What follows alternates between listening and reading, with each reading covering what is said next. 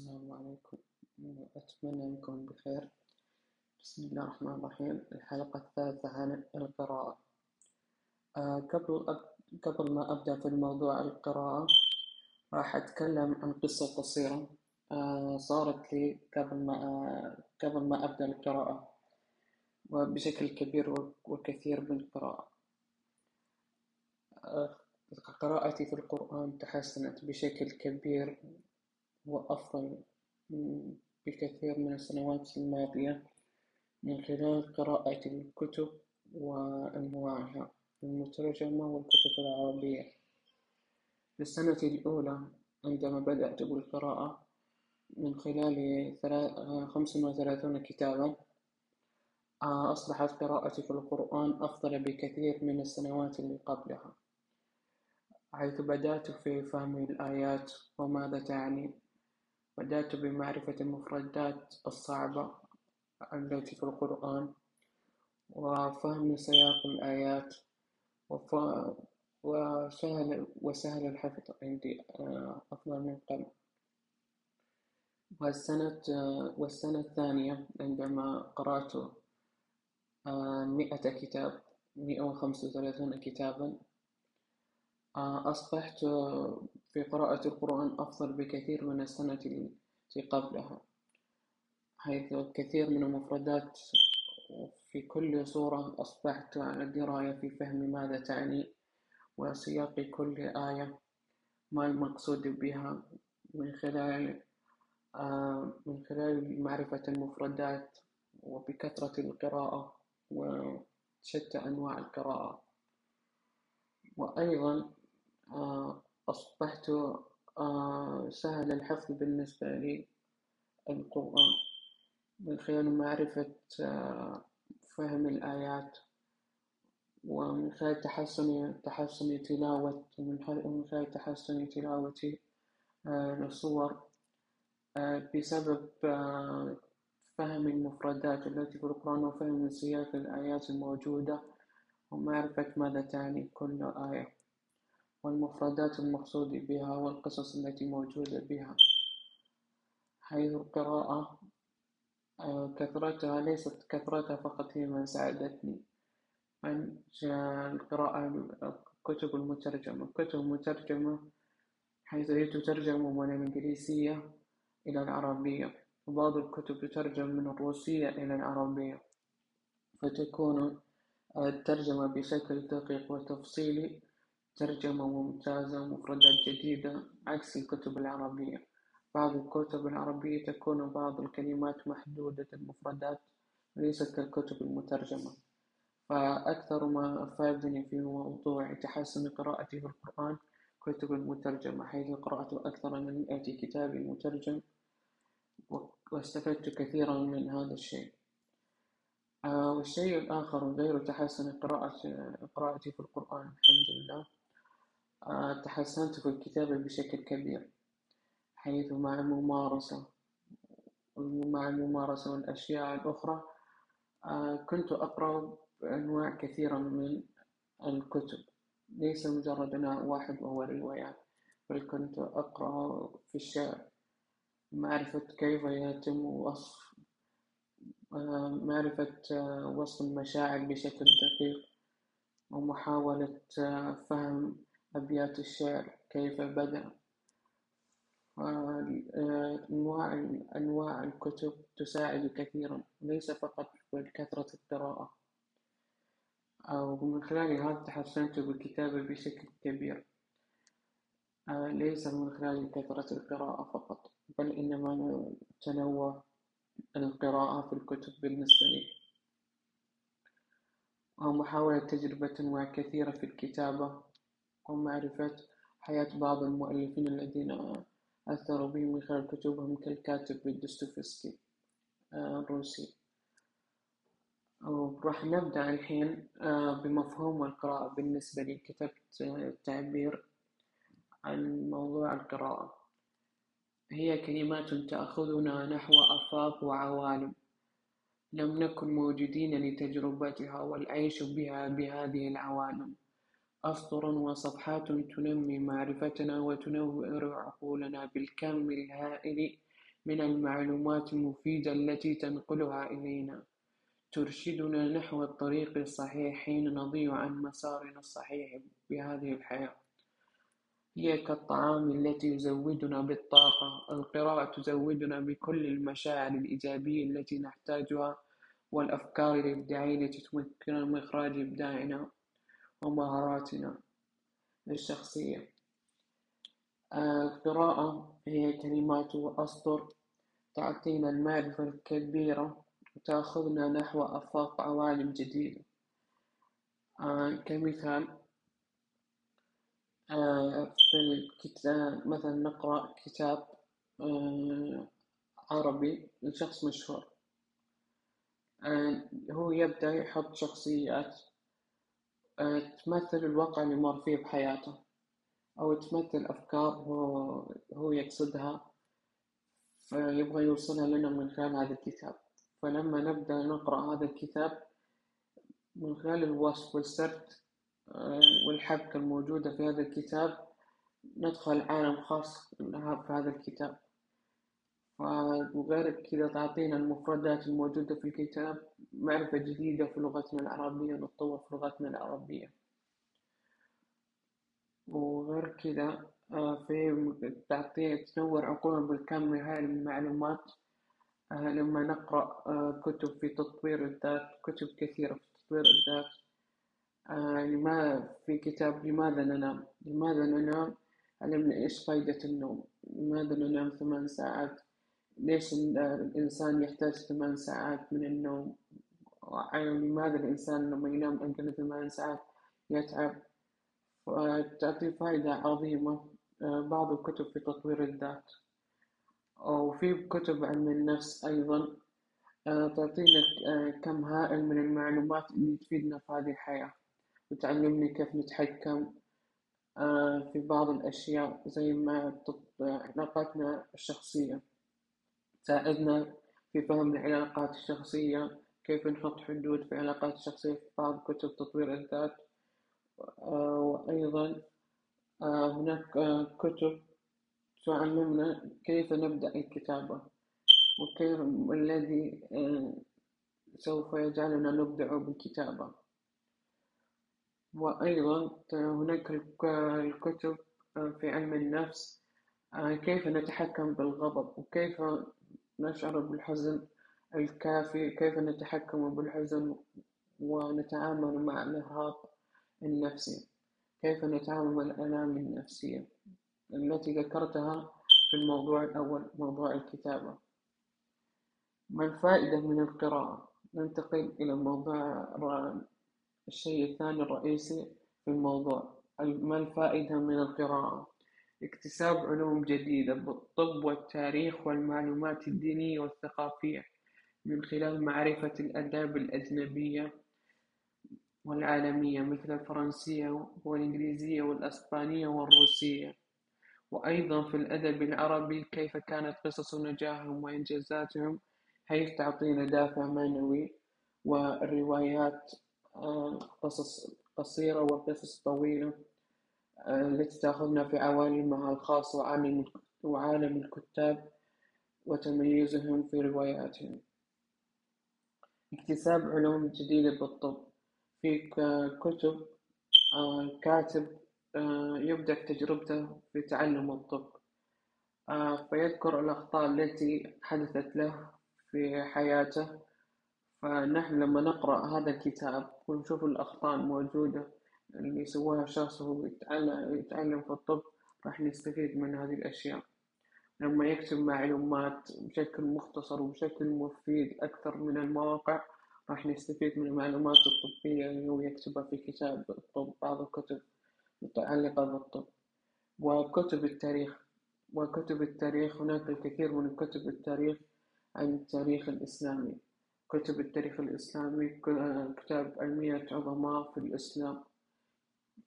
كتاب المية عظماء في الإسلام يتكلم عن أكثر الأشخاص في التاريخ الإسلامي تركوا آثار كبيرة في التاريخ الإسلامي والمعلومات الدينية حيث هناك كتب قسم قسم الكتب الدينية تساعدنا وإدراك بعض النعم في حياتنا وتزيد الإيمان بالله تعالى. وزيادة آه، معلوماتنا الدينية ومعرفة الآداب العالمية الأجنبية. آه، تأخذنا الثقافة نكتسب ثقافة في معرفة الآداب العالمية.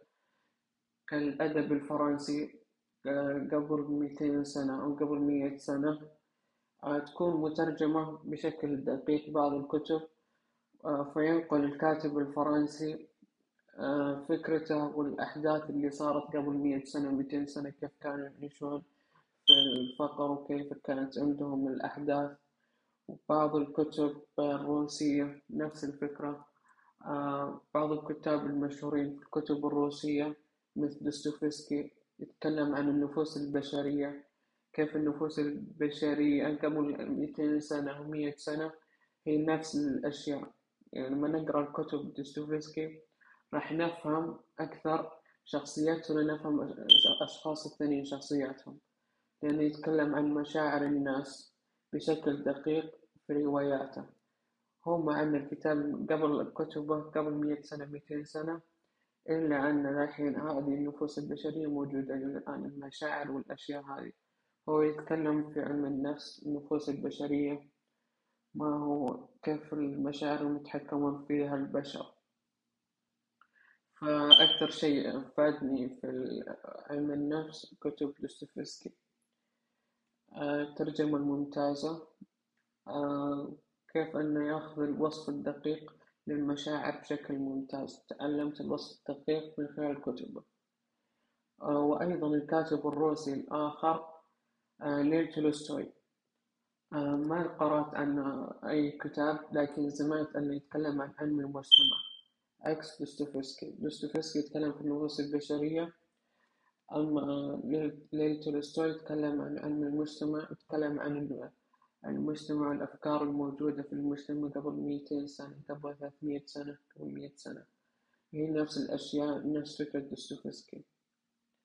تقريبا هم بنفس الزمن كانوا آه، في الأدب العربي الكثير من الكتاب المشهورين آه، زي كتب أسامة مسلم. آه، له كتب كثيرة وروايات كثيرة سلاسل روايات كثيرة في ناس عجبتهم آه، السرد حقه وأسلوبه المميز. آه، لكن لم تعجبني بعض كتبه. لكن هو سرده مميز وصفه وحلو في سهلة الفهم. الكتب حقته بسيط المفهوم حقه ووصف جميل جدا. أعجبني سلسلة الكتب الثانية سلاسل أبدية. عجبني الوصف حقه والسرد كان يحمس فتحمست أكثر مع سلسلة أبابيل عجبني العالم المميز فيها من الإنجازات والأشياء القصص الروايات في الأدب العربي.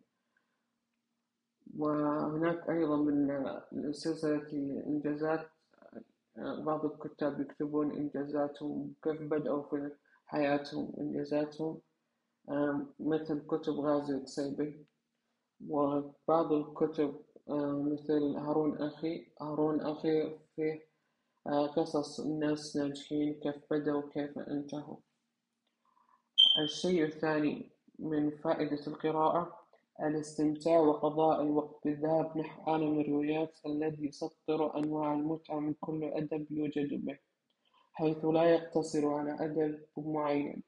هناك الأدب العربي الروايات مميزة بقصصها الخيالية والواقعية تتميز بالسرد الممتع والأدب العالمي. يأخذنا في رحلة مميزة مع كل أدب ينشر ثقافة كل بلد من تجارب الحياة. هناك القصص الفريدة من نوعها والتعرف على طبيعة الحياة بكل بلد. وتخيل الحياة من سرد الفائق الجمال الذي يسمح لخيالنا. الخاص في تخيل طبيعة. هناك بالقصة. فالاستمتاع وقضاء الوقت. لما ننفرد بالكتاب ننفرد في قضاء أوقات لحالنا نكون مستمتعين آه، في قراءة في قراءة الكتب. ندخل في عوالم الروايات آه، في, الاستمتاع بشكل خاص في الكتب. يكون في عالم الروايات بحيث أنه يأخذنا من عالم إلى عالم ثاني. ما يقتصر على أدب معين. الأدب العربي آه، له شيء مميز فيه الخاص فيه والأدب العالمي له شيء خاص فيه مميز. حيث الأدب العربي يتميز في السرد الممتع فيه من عند كل كاتب. أما الأدب العالمي يتميز بالمفردات آه، مميزة آه، والحبكة القصصية ممتازة. فيه أشياء كثيرة رحلة مميزة مع كل أدب رحلة مميزة إنه ياخدنا في القصة كل أدب ياخدنا بقصة آه، قصة آه، تاخدنا لعالم ثاني. عالم ثاني خلينا نستمتع مع كل آه، صفحة نقضيها بوقت فراغنا. بعض الكتاب من شدة سرد واختيار الكلمات ووصف الزمن إيه نحس كأننا نعيش في الزمن اللي هو يكتب عنه واللي هو قاعد يوصفه. فهذه من أفضل الأشياء في الروايات إنه تخلينا نعيش في عالم ثاني خاص فيها وزمن خاص فيها لماذا نحب القراءة؟ شيء ثالث ولماذا نحب القراءة؟ تدفعنا نحو اكتشاف أنفسنا بتجربة هواية جديدة لديها الكثير من الأشياء المميزة لحبها وتطوير الذات من خلال كسب معرفة جديدة واكتساب ثقافة معرفة آداب لم نكن نعرف عنها الكثير واستمتاع بعيش في كل عالم رواية وشخصيات التي تسحرنا من شدة طابعها الجميل بالكتاب. تساعدنا على قضاء أوقات الفراغ بشكل ممتاز وإيجابي. لماذا نحب القراءة؟ القراءة تقدر تعطيك أشياء كثيرة. نطور أنفسنا في المهارات المهارات. لما نقرأ بكثرة نقدر نطور أشياء كثيرة في المهارات الشخصية. نقدر نلخص المعلومات نفس الشيء متعلق بالكتابة. آه، نطور أنفسنا في الكتابة بأنواع كثيرة غير كتابة الملخص للمعلومات. تطوير قراءتنا آه، في الشعر. آه، تطوير قراءتنا القرآن الكريم. آه، تطوير القراءة بشكل كبير وممتاز.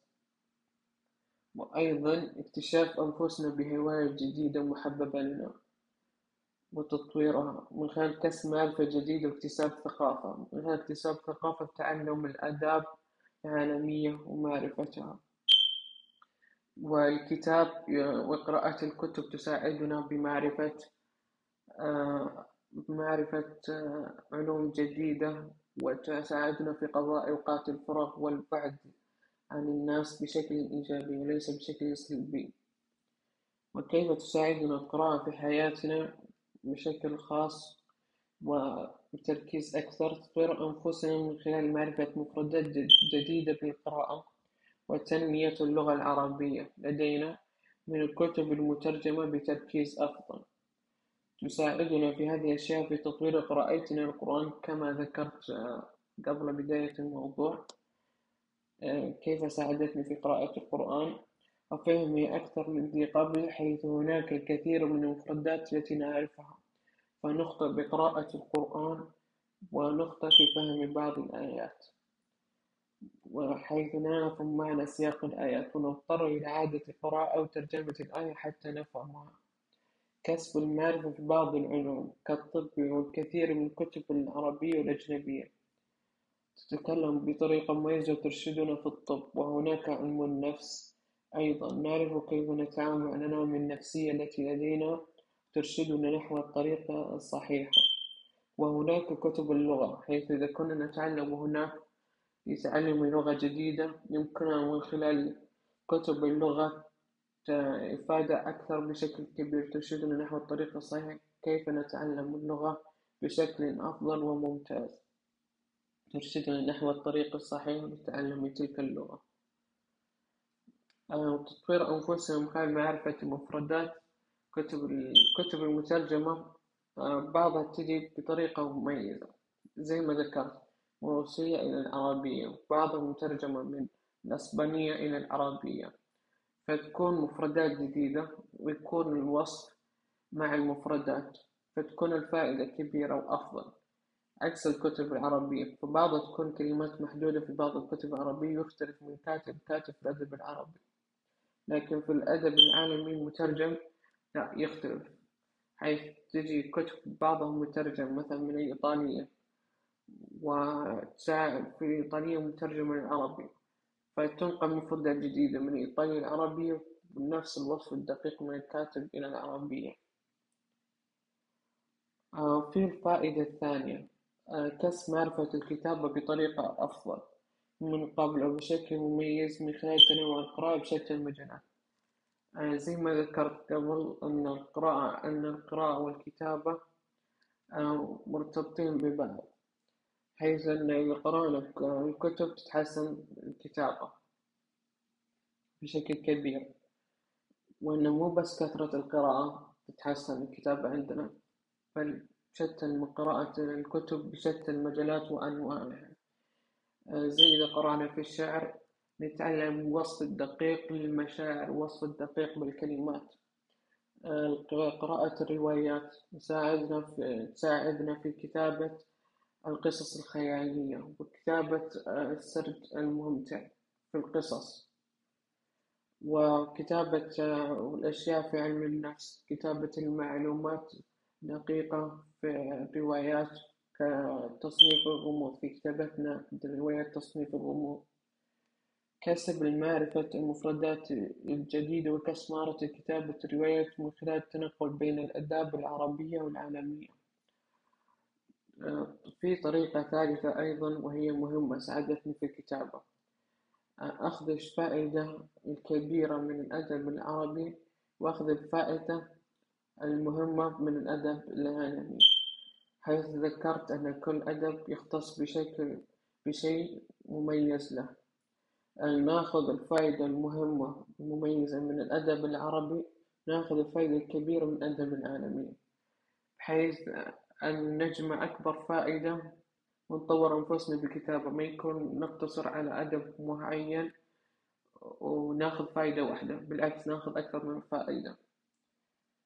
الكتب التي أنصح بها القراءة مختلف التصنيفات من الكتب العربية الكتب اللي شدني السرد فيها كيف أن الأسلوب البسيط عجبني مرة اللي هو كتاب نجيب محفوظ رواية تحت المطر عجبتني كثير.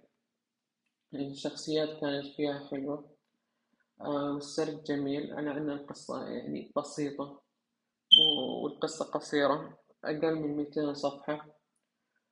ومن الروايات الخيالية سلسلة أبابيل رائع بخيالها في شخصياتها والوصف فوق الجمال.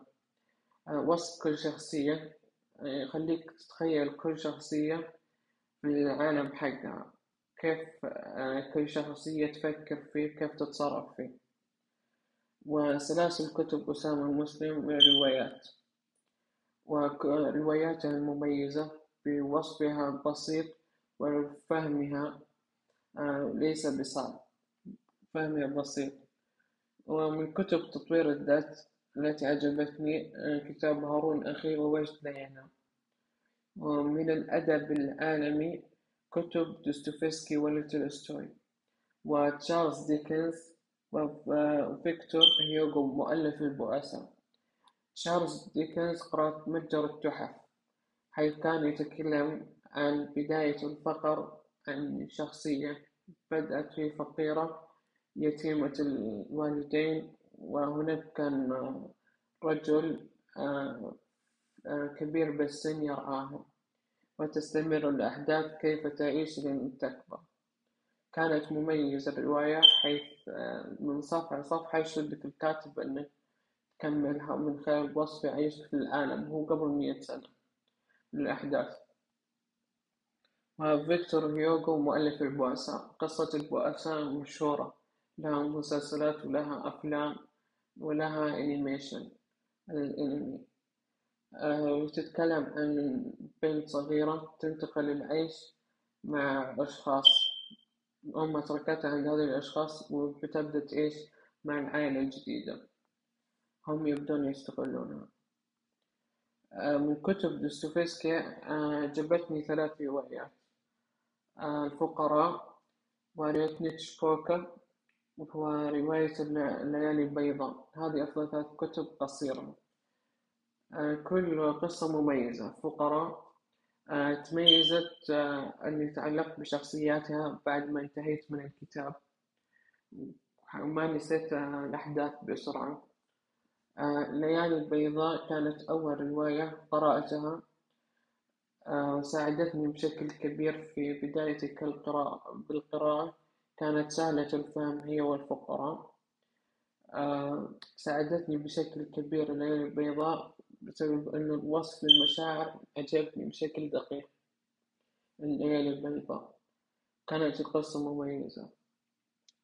ونيتش فوكا كانت تتكلم عن فتاة صغيرة يت...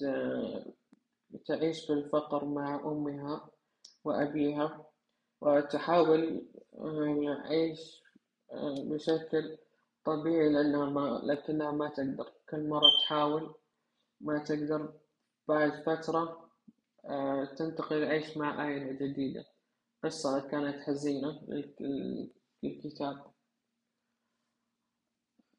وبس هذه كانت الكتب التي أنصح فيها مختلف التصنيفات ومن الكتب البريطانية التي أنصح بها الكتب كتب آرثر كونان دويل شارلوك هولمز كتب أغاثا كريستي في الجريمة والغموض. الكتب الأمريكية سلاسل لها مسلسلات وأفلام كتب آن وكتاب في كتاب الأدب الكوري فتاة كبتة العزلة. كتاب جميل فتاة كبتة العزلة حيث ينتقل الزمن من الحاضر والماضي. تتكلم عن ماضيها الكاتبة في شخصيتها الخيالية. كيف المشاعر في الماضي كيف تغيرت مع الحاضر كيف صارت بشكل أفضل. والأدب الياباني. أنصح بقراءة هارو... بعض كتب هاروكي موراكامي. في بعض كتب هاروكي موراكامي قرأت اللوحة. لوحة الكومينداتور كانت جزئين كان المفردات والوصف فيها يشد من صفحة لصفحة. يشد القارئ ويقرأ بشكل مستمر ويتخيل الأحداث. أسلوبه مميز هاروكي موراكامي وبس كان موضوعنا اليوم عن القراءة هواية القراءة كيف بديت فيها وكانت قصة قصيرة قبل ما نبدأ الموضوع. كتبت تكلمت في أربع أشياء رئيسية. معنى القراءة ما الفائدة من القراءة لماذا نحب القراءة كيف تساعدنا القراءة في حياتنا. أتمنى الموضوع عجبكم والسرد عجبكم أكثر. حاولت أن ما أقول أمثلة كثيرة أو تشبيهات. حاولت أن أتكلم بالشيء اللي أنا كتبته وما أكون أني أقرأ المعلومات بس حاولت أني أتكلم في المعلومات وأشرحها. أتمنى أن عجبكم السرد وأتمنى أن تلافيت أخطاء الحلقة الماضية. وشكرا لحسن استماعكم. إن شاء الله أن تكون أن تكون هذه الحلقة عجبتكم أكثر. من الحلقتين الماضية وأن ما فيها أي مشاكل. انشروا الحلقة هذه إذا وصلت أكثر من خمسين مستمع راح أنزل حلقة جديدة بدري وأسرع وقت. أتمنى أن عجبكم التقديم ولا تنسوا تكتبون آراءكم تعطوني آراءكم. بس الله يسعدكم ومشكورين على حسن استماعكم. بالتوفيق وأتمنى تكونوا بخير. مع السلامة. السلام عليكم ورحمة الله وبركاته. موضوعنا لهذا اليوم وهو المقدمة لموضوع القراءة. مقدمة بسيطة جدا عن القراءة. آه سوف أذكر لكم آه ثلاثة آه مواضيع في المقدمة هذه البسيطة. ما الهدف من القراءة؟ وكيف نبدأ بالقراءة؟ وكيف نصبح مبدعين بالقراءة؟ الكتاب كثير من الكتاب قبل أن أبدأ في المقدمة القصيرة جدا سوف أقول لكم قصة قصيرة آه، حصلت لي. آه، غير القراءة في بعد الجزء الثاني من البودكاست راح تسمعون المحاور الرئيسية ذكرت آه، تطوري في قراءة القرآن. لكن هذه قصة جانبية عن مقدمة بسيطة. القصة القصيرة هي في البداية أول ما بديت القراءة كنت أقرأ في اليوم خمس صفحات في البداية. أول كتاب قرأته كنت أقرأ شهريا آه، في اليوم خمس صفحات خمس صفحات خمس صفحات خمس صفحات. لين جاء نهاية الشهر أنا خلصت ثلاثين صفحة. صبرت صبرت وكملت وكملت وكملت. جاء الشهر الثاني نفس الشيء خمس صفحات خمس صفحات. لين جاء نهاية الشهر وأنا أقرأ ثلاثين صفحة. آه، خلصت الشهر الثالث مية وعشرين صفحة. وخلصت أول كتاب كان مية وعشرين صفحة. كان كتاب عن أجاثا كريستي ميتين صفحة أو مية وخمسين. ما أتذكر بالضبط. آه، كانت سنة آه، ألفين وتسعتاش سنة ألفين وتسعتاش نهاية السنة. آه، بعدها بديت أحب قراءة الكتب. بديت كتاب آخر لأجاثا كريستي. سويت نفس الطريقة لكن أسبوعيا. بدل ما يكون شهريا سويت أسبوعيا. آه، بحيث أن أقرأ عشر صفحات أو خمسطعشر صفحة. آه، قرأت خمسطعشر صفحة واليوم الثاني خمسطعشر صفحة. لين جاء نهاية الشهر أنا خلصت عدد كبير من الصفحات. الشهر الثاني وفي نصه خلصت الكتاب. فالشاهد بذلك أن مع كثرة مع كثرة الممارسة وعند وصول هدف معين ونحط هدف معين آه، نوصل مع الاستمرارية. أنا حطيت هدف في قراءة الكتب أن أتطور الكتابة بشكل كبير. فمع الممارسة حطيت لي جدول جدول للقراءة قراءة شهرية قراءة أسبوعية الكتب القصيرة. خلصت من الكتب القصيرة جدول القراءة بديت الكتب الطويلة. من 200 صفحة إلى 300 صفحة بعدين بديت من 300 صفحة ل 400 صفحة من 400 إلى 500 500 600 بجدول قراءة أسبوعي ومرات يكون جدول شهري. جدول شهري حيث أقرأ 50 صفحة في اليوم أو 100 صفحة في اليوم. إذا كان الكتاب 600 صفحة 800 صفحة. أما إذا كان الكتاب 500 400 صفحة أقرأ في اليوم 50 صفحة أو 60 صفحة باليوم الكتب القصيرة أقرأها أسبوعيا خمسين صفحة أو ثلاثين صفحة باليوم. آه، فكثرة الاستمرارية مع القراءة آه، تفيد الشخص عندما يضع له هدف معين وجدول آه، كيف طريقك إلى المد سوف يصبح في النهاية ممتع. أنا شخص ما وصلت لهذا الشيء من فراغ. أنا حطيت في البداية هدف أن أتطور في الكتابة وحطيت جدول للقراءة. جت آه، ألفين وعشرين قرأت خمسة وثلاثين كتاب. هو السنة اللي قبلها ألفين وتسعة عشر قريت آه، عشر كتب أو خمس كتب. سنة آه، ألفين وعشرين قريت خمسة وثلاثين كتاب. سنة ألفين وواحد وعشرين قريت خمسين كتاب. جت سنة ألفين واثنين وعشرين قريت مية وخمسة وثلاثين كتاب. تطورت قراءتي في القرآن بشكل كبير. آه، بسبب التنوع بسبب كثرة الكتب. كثرة الكتب القصيرة والطويلة القصيرة والطويلة. وتنوعها الكتب الأدب العربي والأدب الأجنبي. وأيضا تطورت الكتابة عندي مع الاستمرارية ومع قراءة الكتب بشكل كبير جدا. حيث أصبحت أني مجرد ما تطرأ لي كتابة أكتبها بشكل مباشر. فأصبحت آه، أرى نفسي كاتبا آه، والآن سوف أدخل في موضوعنا. آه، دائما لما نحط نحط حاجة معينة في بالنا لازم نبدأها بهدف بسيط بعدين نبدأها بهدف كبير إنجاز لنا. فنحط هدف صغير في البداية. بعدين في النهاية نحط هدف كبير. فمن أهداف آه، القراءة في الهدف أربع أهداف من القراءة.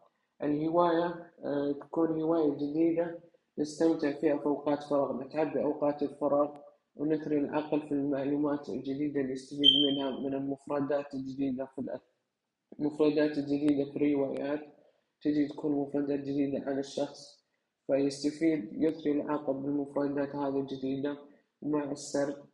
فيكون قراءته مع القرآن أو قراءته للشعر يكون عنده الخبرة في قراءة القرآن بشكل ممتاز. وأيضا فكتابة الكلمة فالكتابة العربية في الحركات أيضا أو إذا كانت في قراءة الشعر يكون بشكل ممتاز.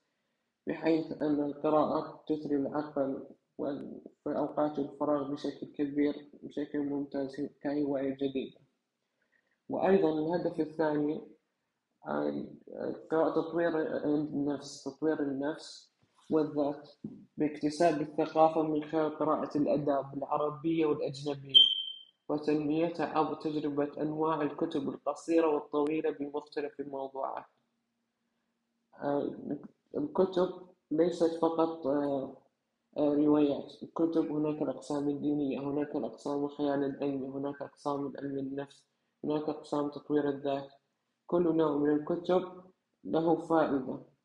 يعطيك الكاتب فائدة ثقافة معينة في بلده فكرة حصلت أشياء إيجابية حصلت له حولها إلى أفكار ينقلها للناس. في ناس تصير معهم أشياء إيجابية قصص قصيرة عبرة فيوصلها من خلال كتاباته. فهذا فهذا الشيء يخلي الناس يكتسبون ثقافة بعض بعض الآداب الأجنبية. كفكرة في هذا البلد المعين كان عندهم نفس التعامل اللي عند هذا البلد المعين بلد آخر. فيصير الكتاب ينقلون أفكارهم إيجابية ينقلون أفكارهم السلبية يعطون الثقافة ثقافة بلدهم يعطون الثقافة العائلات اللي عندهم الأجنبية في عندنا الثقافة في الآداب العربية. كل شخص ينقل الثقافة الخاصة به ينقل الأفكار الخاصة به من خلال عالم الروايات ومن خلال عالم تصنيف الكتاب الذي يكتبه. ليس فقط في مجال الرواية بل في المجالات الكثيرة وأنواع كثيرة من الكتب سواء كانت قصيرة أو طويلة. وتطوير الذات باكتساب مهارة القراءة وتنميتها أيضا تطوير النفس بالكتابة بأنواعها من خلال قراءة الشعر. قراءة الشعر يتحسن الوصف بشكل كبير لأن الشعر يعتمد على الوصف بشكل كبير جدا وصف مميز استثنائي.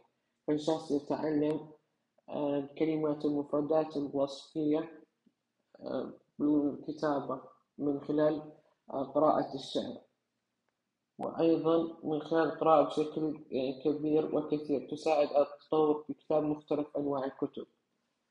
ليس فقط الشعر أيضا من يحسن كتابة بل أيضا الكتب الطويلة التي يصعب الفهم بها مثل الكتب الروسية. بعض الكتب الروسية مثل دوستويفسكي هي صعبة في بعض الكتب دوستويفسكي صعبة الفهم. لكن لما يجي الشخص يكتب بعد فترة طويلة يلقى نفسه يعرف يكتب بشكل كبير. يعني دوستويفسكي الكتابات حقته عميقة. في بعض الأدب الأدب الأجنبي تكون الأشياء عميقة فيه. زي الأسباني. الأدب الأسباني هو كتابات الكتب حقتهم عميقة لكن هم يدخلون في أمور الدين شوي عندهم. لكن عندهم العمق فيه نفس الأدب الروسي. يدخلون بشكل عميق بالمفردات وبالوصف والممتاز السرد المشوق عكس الأدب العربي. الأدب العربي يعتمد على أسلوب الكاتب وسرده والمفردات اللي فيه. فهذه الأشياء يعتمد بكثرة القراءة وكثرة التنوع بحيث أن الشخص يقرأ علم النفس بكتاب عربي بكتاب أجنبي. بيشوف أن هنا في فرق وهنا في فرق. المفردات غير تختلف لأن بعض يترجم من ألماني العربية مباشرة فيأخذ المفردات جديدة ويكتبها المترجم بشكل دقيق. في آخر معرض السنة الماضية صار معرض الكتاب في الشرقية. تكلمت مع الاثنين من دار النشر آه، شخصين كلهم قالوا حنا نترجم آه، بشكل مباشر. من اللغة هذه إلى هذه. وفي بعضهم يترجمونها من الروسية الإنجليزية من الإنجليزية العربية. فتجي المفردات بشكل دقيق جدا. فيكون الفرق بين الأدب العربي والأجنبي في الدقة في بعض الأشياء وليس ككل. وأيضا كيف نصبح مبدعين بالقراءة؟ بالكتب القصيرة نضع جدول للكتب القصيرة ونضع جدول آخر للكتب الطويلة. الكتب القصيرة تحتاج جدول قراءة أسبوعيا أو شهريا وشهريا بحيث يكون خمس صفحات باليوم إذا كان شهريا وأسبوعيا ثلاثين صفحة أسبوعيا. ومع نهاية الشهر سوف نجد أنفسنا آه، في خلال شهر إذا كانت القراءة شهريا يكون قرأنا نصف الكتاب. إذا كانت أسبوعيا فانتهينا من كتاب واحد. ومع نهاية الشهر آه، نرى أنفسنا أنجزنا بشكل كبير. أما الكتب الطويلة بين بين ميتين وخمسين إلى خمسمية صفحة القراءة أسبوعيا خمسين صفحة أو شهريا عشرين صفحة. مع الاستمرار سوف نرى أنفسنا أنجزنا بشكل كبير. مع القراءة. 250 إلى 500 صفحة آه، مع الاستمرارية أسبوعيا نقرأ 30 صفحة أو 50 صفحة مع نهاية الشهر نرى أنفسنا أن خلصنا جزء كبير من الكتاب.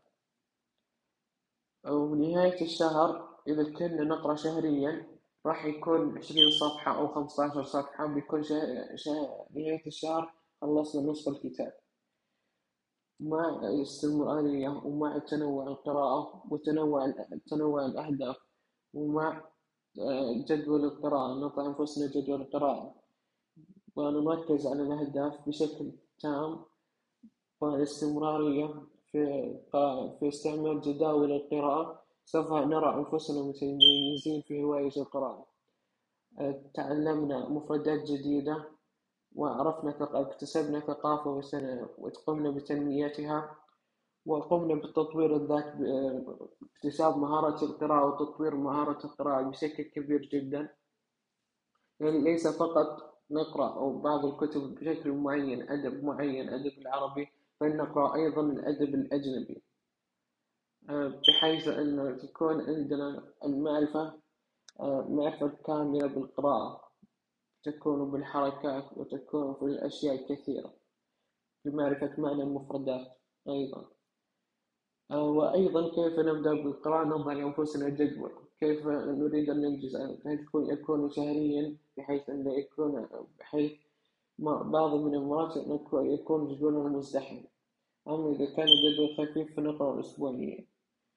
في كتب قصيرة يكون من خمسين صفحة إلى ميتين صفحة. والكتب الطويلة بين 250 إلى 500 صفحة. مع كثرة الكتب آه، مع كثرة القراءة بالكتب الصغيرة والقصيرة والتنوع بالقراءة الكتب الطويلة سوف نكون مبدعين.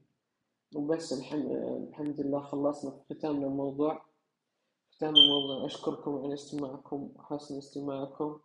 وأتمنى أني وفقت آه، في المقدمة البسيطة جدا. وأنها عجبتكم وأتمنى آه، أن أفدتكم بشكل كبير المقدمة البسيطة وأنكم تستفيدون من موضوع القراءة وأن بشك... وأن يكون بشكل كبير أفضل بكثير من الحلقتين الماضية.